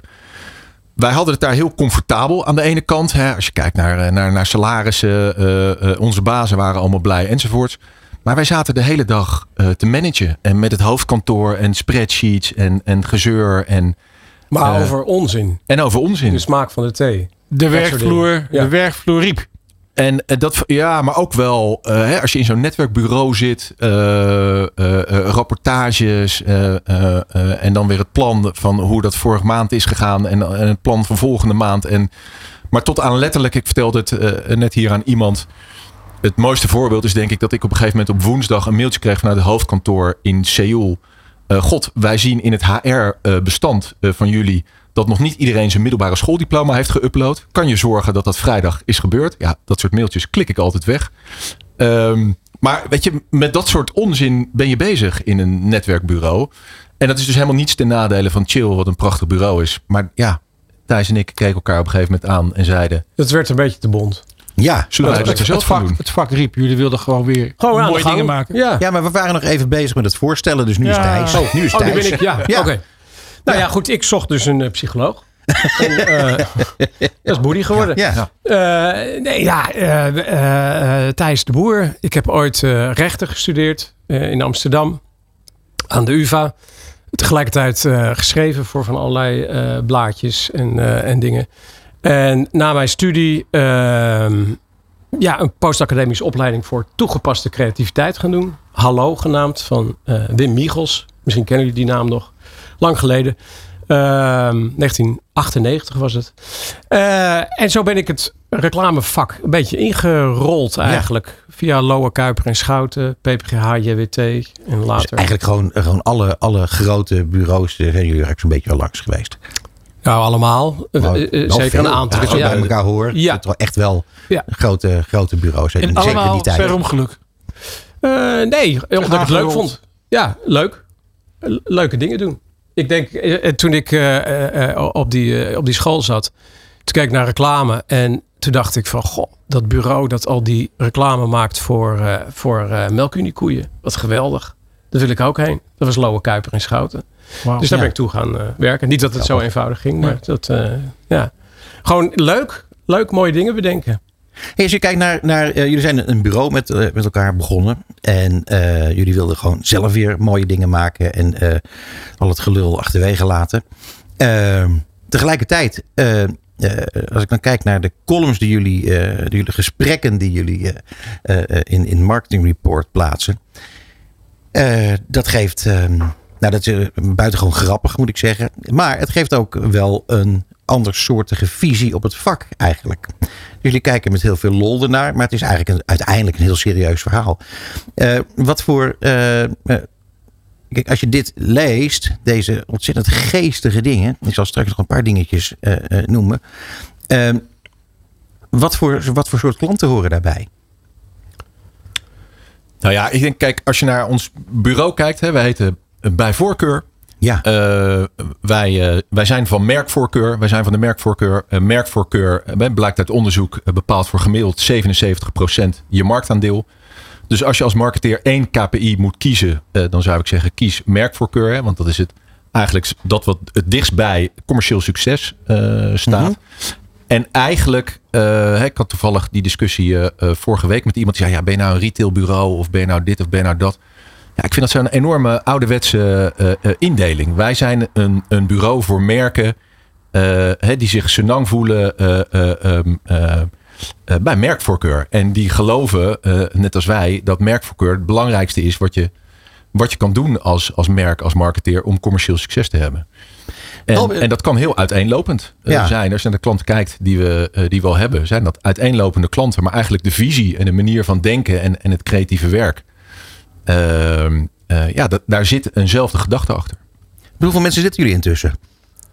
We zijn met z'n tweeën eh, nog steeds. We zijn eh, Lekker. wel eh, met een derde partner bezig. Die ook al bij ons zit. We hebben een laatste pitch met eh, hem gedaan. Oude partner van mij. Art director. En eh, het is het idee dat hij zich aan gaat sluiten bij het bureau. En, eh, En ver- werken jullie met veel vaste Ja. mensen die je goed kent en Ja, zeker. werk kent? Ja. Ja. Ja. Ja. zeer flexibel. Ehm, eh, wat ik al zei, eh, heel veel ontzettend geestige teksten. eh, met met ja, toch wel een, naar mijn smaak eh, heel veel.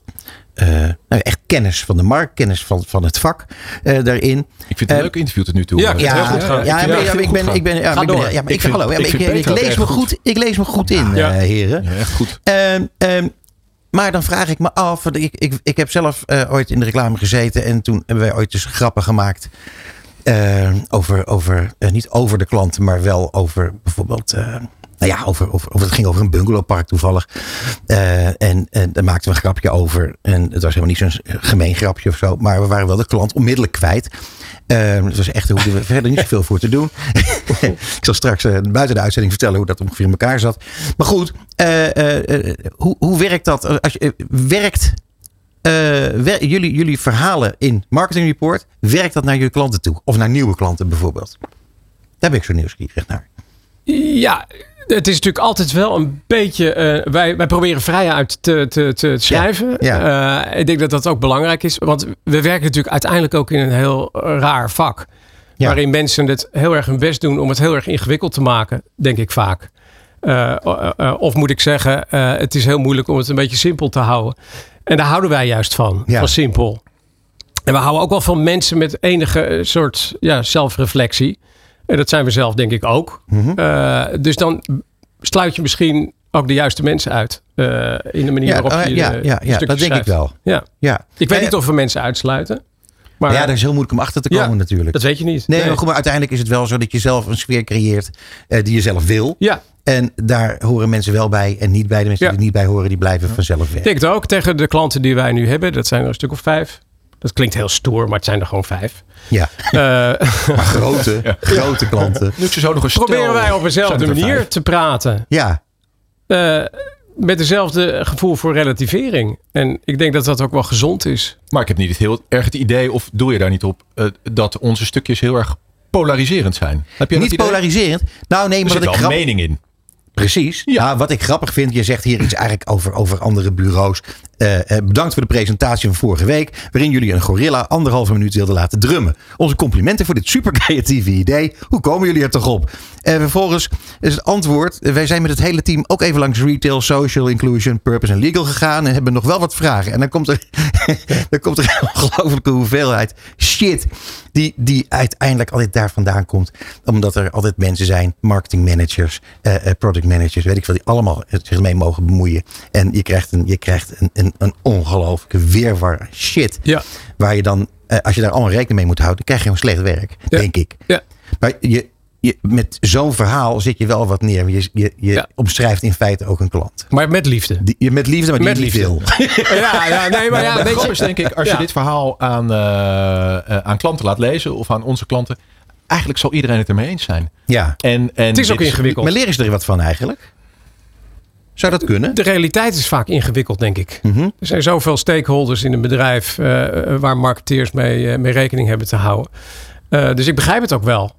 Maar ik Ja. vind het ook wel fijn om erom te kunnen blijven lachen. Ja. Vind ik ook belangrijk. Nou ja, ik moet je zeggen dat de manier waarop jullie bij ons schrijven, dat is ehm, eh, tamelijk uniek. Ik heb dat nog niet eerder zo gezien. Wat leuk. Ja. eh, en, Ja, eh, ik, van Bas krijgen wij dus bijvoorbeeld nooit dit Nee. schouderklopje. Nee, een Bas, eh, nee. het- nee, maar dat, doet, dat, daar kan ik wel iets over zeggen. Ja? Ja, omdat, Heel hij, zakelijk. omdat hij dan bang is dat je de denkt stok. dat je het dan eh, eh, jezelf gemakkelijk gaat maken. en Ja, denk van, ja. ah, ja, Oh, ja. slaan we een keer een maandje over. Dat soort dingen, weet je wel. en Oh, dat ja. is natuurlijk niet de bedoeling. Het is Ja. ook een... ja. god, dat was ook een ondernemer, jongens. Ja, ja, zeker. Ja. Je moet ook een beetje aan zichzelf denken. Daarom. Eh, en eh, dat zag ik ook bij jullie staan. Wat Johan Cruijff ooit over voetbal zei. Ja. Voetbal is simpel. Wat moeilijk is, is simpel voetballen. En dat is precies hoe het met reclame zit. Ehm, is dat zo? Want namelijk, denk ik. ik. denk dat het voortraject misschien wel soms wat ingewikkelder is dan, eh, dan, dan misschien dat uiteindelijke simpele wat je gaat communiceren. Nou ja, het wordt simpel gemaakt. Omdat je natuurlijk met heel veel mensen te maken hebt. En eh, heel veel meningen. Maar uiteindelijk, in die end, in essentie, is het even simpel. Maar ook even moeilijk om het simpel te houden. Mhm. Eh, ja, ik denk dat... eh, ja, ik heb het laatst ook... Een, er was een stukje van Daan... hoe heet de strateeg? Daan de Raaf. Nee, andere Daan. Nou ja, uiteindelijk zijn we denk ik in het vak ook wel een beetje vergeten. Dat je eigenlijk maar één ding moet doen. En dat is eh, mensen een klein beetje entertainen. Ja, ja, daar zijn toch de meningen over verdeeld? of Daar niet? Mark. Ja. Nou ja, eh, kijk, weet je, in, in alle eh, prikkels die je de hele dag op je afgevuurd krijgt, eh, eh, wil je daar een klein beetje eh, uitgepikt worden. Dan zou je iets moeten doen wat een beetje opvallend is. Wat, Dat sowieso. of, of spannend is, of heel grappig is, of heel emotionerend, of ik, ik weet niet wat. Maar in ieder geval een, een soort entertainmentwaarde heeft Mhm. Eh, voor mensen om daar vrijwillig mee. Dus eh, eigenlijk hebben we elke keer in Marketing Report een voorproefje van wat dat zou kunnen zijn. Hoe, Ja, je- hoe je- dat werkt. Want het is oergeestig, jongens, echt. Er Nou. zit altijd wel een visie Zeker. eh, eh, in van hoe wij ernaar eh, kijken. En, en wat Thijs zegt, zeg maar emotie toevoegen, dat is, dat is wel een hele belangrijke pijler Mhm. eh, van merkvoorkeur creëren. Kijk, je kan mensen niet heel hard in hun, in hun oor schreeuwend eh, naar jou toe laten komen. Je moet mensen verleiden. Eh, en zeker bij reclame, je bent een ongenode eh, gast. Je komt zomaar binnenvallen Ja. eh, op de website, op de tv, eh, eh, waar dan ook. Eh, dus je moet mensen altijd wat geven, als het ware. En je moet altijd eh, eh, emotie toevoegen. En je moet altijd. Dus heel veel van wat we schrijven, en daar zit natuurlijk wel een knipoog in. Maar daar, daar eh, ehm, zie je wel in terug onze visie op, op marketing en op reclame. het grappige is, 20 jaar, jaar geleden was dat veel beter in Nederland. Ja? Ja, dat denk ik wel. En waar, waar zit Toen dat ik dan in de reclame. Ja, het is ingewikkelder geworden, denk ik. Dat sowieso. Eh, Is dat eh, het aantal eh, kanalen waar je ge- gebruik van kunt maken? Is dat, Nou, dat zie ik de meer als mogelijkheden. Dat, dat Ja. zijn meer kansen. Maar meer, ik denk dat de structuur bij, bij klanten een stuk veranderd is. En de, de, de verantwoordelijkheden ingewikkelder liggen. Maar ik bedoel, in de tijd dat ik bij, net bij Lowe Kuiper en Schouten begon. Dat is nu 3, 24 jaar geleden. Toen was daar een bank, ABN AMRO. En eh, die had de Goedemorgen op de radio, om maar iets te noemen. Het was ongelooflijk geestig, eh, geestige campagne. Eh, maar het is voor een bank. Ja. En tegenwoordig zie je van die banken allemaal van die serieuze verhalen, gelul. Dat je denkt, ja, het blijft mij niet bij. Nee. Ik herken ze niet. Ik haal ze er niet uit. Maar dat komt misschien ook omdat eh, opeens dan iedereen eh, eh, hetzelfde wil. Storytelling. eh, en het moet allemaal. eh, het, het, het- weet je, de, Ja. ja. de 60s kwamen ook weer een beetje terug. Een beetje, een beetje dat slappige, Ja. zeg maar. Ja. Het, het, het, het zachte. Ja, dan gaat iedereen hetzelfde doen. Ja, het is ook wel, Ja. de tijdgeest is natuurlijk een beetje anders. En je, je wordt natuurlijk sneller afgerekend tegenwoordig op van alles. Mhm. Eh, maar ook grote corporates worden natuurlijk wat sneller afgerekend eh, eh, op wat ze doen. Ja. En worden gewoon voorzichtiger. Ja. En ja, daar krijg je voorzichtige eh, reclame van. Voorzichtige eh, besluitvorming, voorzichtige reclame. Dus dat heeft ook wel een beetje met de tijdgeest te maken. Afgerekend. Afgefakkeld. Dat ook. Vermorseld. afgezaagd. Ja, Ja. Zeker. eh, noppen op Maar de knie. gebeurt toch wel, hè? Je weet dat ik ben, ik. altijd, ik ben altijd van de, van de bruggetjes en zo. En je, als begint over, over afvakkelen en zo, eh, wil ik eigenlijk even een beetje gaan afzagen. Want namelijk, onze tijd zit er al helaas Ach, op, nou ja, je ja. kan, Het begon nou echt. net leuk. Ja, dat begon net leuk te worden nog één complimentje misschien? Eh. Nou ja, ik zou namelijk willen eindigen met iets wat ik zo mooi vond. Nee, helemaal oh, nee, niet. nee, nee, Bas. ik moet, het moet, Wat ik moet? moet. Ik, het Wat moet. nou weer? Nee, Dan moet je de columns van Boody en Thijs zijn de best gelezen columns op onze website. Heb ik beloofd om te zeggen. En, Ah. en, en, en het klopt, het is waar. Ook nog waar, het is ook waar, hè? Nou, dan mag ik dan fijn. eindigen met eh, eh, een, een zin van jullie zelf aan het eind van een stuk. Waar staat: Ik ga zelf nu een lang weekend op Customer Journey. En wens jou natuurlijk ook een rijk gevulde funnel toe. Jongens, ik wens jullie het allerbeste. Ontzettend veel dank voor dit gesprek. En heel graag tot heel gauw. Dankjewel. Leuk. Dankjewel. Het programma van marketeers. Dit is Marketing Report. Elke derde dinsdag van de maand van half zeven tot acht. Dit is Marketing Report op Nieuw Business Radio. Ja, Bas, jongen. Ja, En dat, was- dat was dat weer een Nou, dat laatste uitzending. nergens over. hè. Ik ben blij dat ze weg zijn. ja.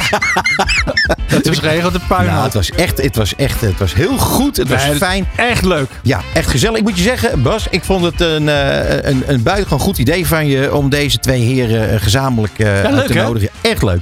Ehm, maar ja, goed, wat ik al zei, ik genoot altijd van die stukken. En ehm, eh, het is een. nou ja, ik ben heel benieuwd. Ik wil daar toch ook een keertje op kantoor langs gaan. Dus even te kijken hoe dat daar allemaal gaat. Ja, leuk. Eh, nou ja, dan hadden we Behalve eh, als ze in anti-kraak zitten, dan hoef ik niet. nou, ik wel juist wel. Daar Ja, hou ik enorm van. Nou, neem bijvoorbeeld Cogonus. Die zitten anti-kraak. Wist je dat? Hè, hè. Oh nee, ik dacht. Bruggetje. Was dat een bruggetje? Ja, ja, ja, oh nee, dat had ik totaal niet in de gaten. Nee.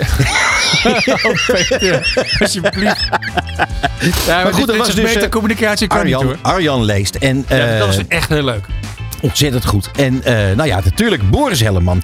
Wat een, een, een- ik vond het, het verhaal over die campagne, dat is zo ongelooflijk goed. Ik had het echt nooit verwacht bij zo'n groot merk. En er zijn, dat zijn momenten, dus het, is het dan jammer dat je al een radio maakt. Als je ziet, hij, hij steeg bijna op van trots en enthousiasme. Ja, maar eerlijk En gezegd. terecht. ook- en terecht. En ja. terecht. Echt, wat cool. En ik vind het eerlijk gezegd van Mastercard. Die verdienen daarmee toch een enorme. En wat zei je nou echt? You can't have success when eh, society fails. Eh, ja, ongeveer dat. Ja, ja. Goed hoor. Ja, ja als, vind ik als ook. attitude. Ja, zeker. Dus dat was eh, eh, heel bijzonder en ontzettend fijn. Eh, Christian van Dijk natuurlijk, ja. Weet je, die had het toch best wel moeilijk met, met komkommertijd. Maar hij heeft het toch weer klaargespeeld om hele interessante onderwerpen naar voren te brengen. En natuurlijk tenslotte Martin de Boer. Oh, ik eh, iemand, laatst wat de groeten doen. Mag ik nu iemand mijn excuses maken? Oh, doe maar. Ja, aan Jur Baart van Fitzroy. Want de reden, of de aanleiding om Martin uit te nodigen gisteren, omdat de, dat bureau naar Fitzroy gegaan was. Dus ze hebben het totaal vergeten te vertellen. Oh, maar, dat- dat is, maar dat is natuurlijk nooit de aanleiding om eh, eh, Martin de Boer uit te nodigen. Want die wil je altijd wel in je uitzending geen hebben. aanleiding voor nodig. Precies, zo is dat. Maar eh, ik wil eigenlijk al onze gasten nogmaals danken voor hun aanwezigheid in dit buitengewoon plezierige programma. Ik kijk uit naar de volgende maand, Bas. En ben je er dan bij? Ehm, dat zal toch wel. of ben je op vakantie? Ik weet het niet. Dames en heren, dank voor het luisteren. Heel graag. Tot volgende maand. Tot zover Marketing Report op Nieuw Business Radio. Alle gesprekken zijn terug te luisteren via podcastkanalen als Spotify, Duke of Apple Podcasts. Komende maand zijn we er weer op de derde dinsdag van de maand tussen half zeven en acht uur. Tot dan.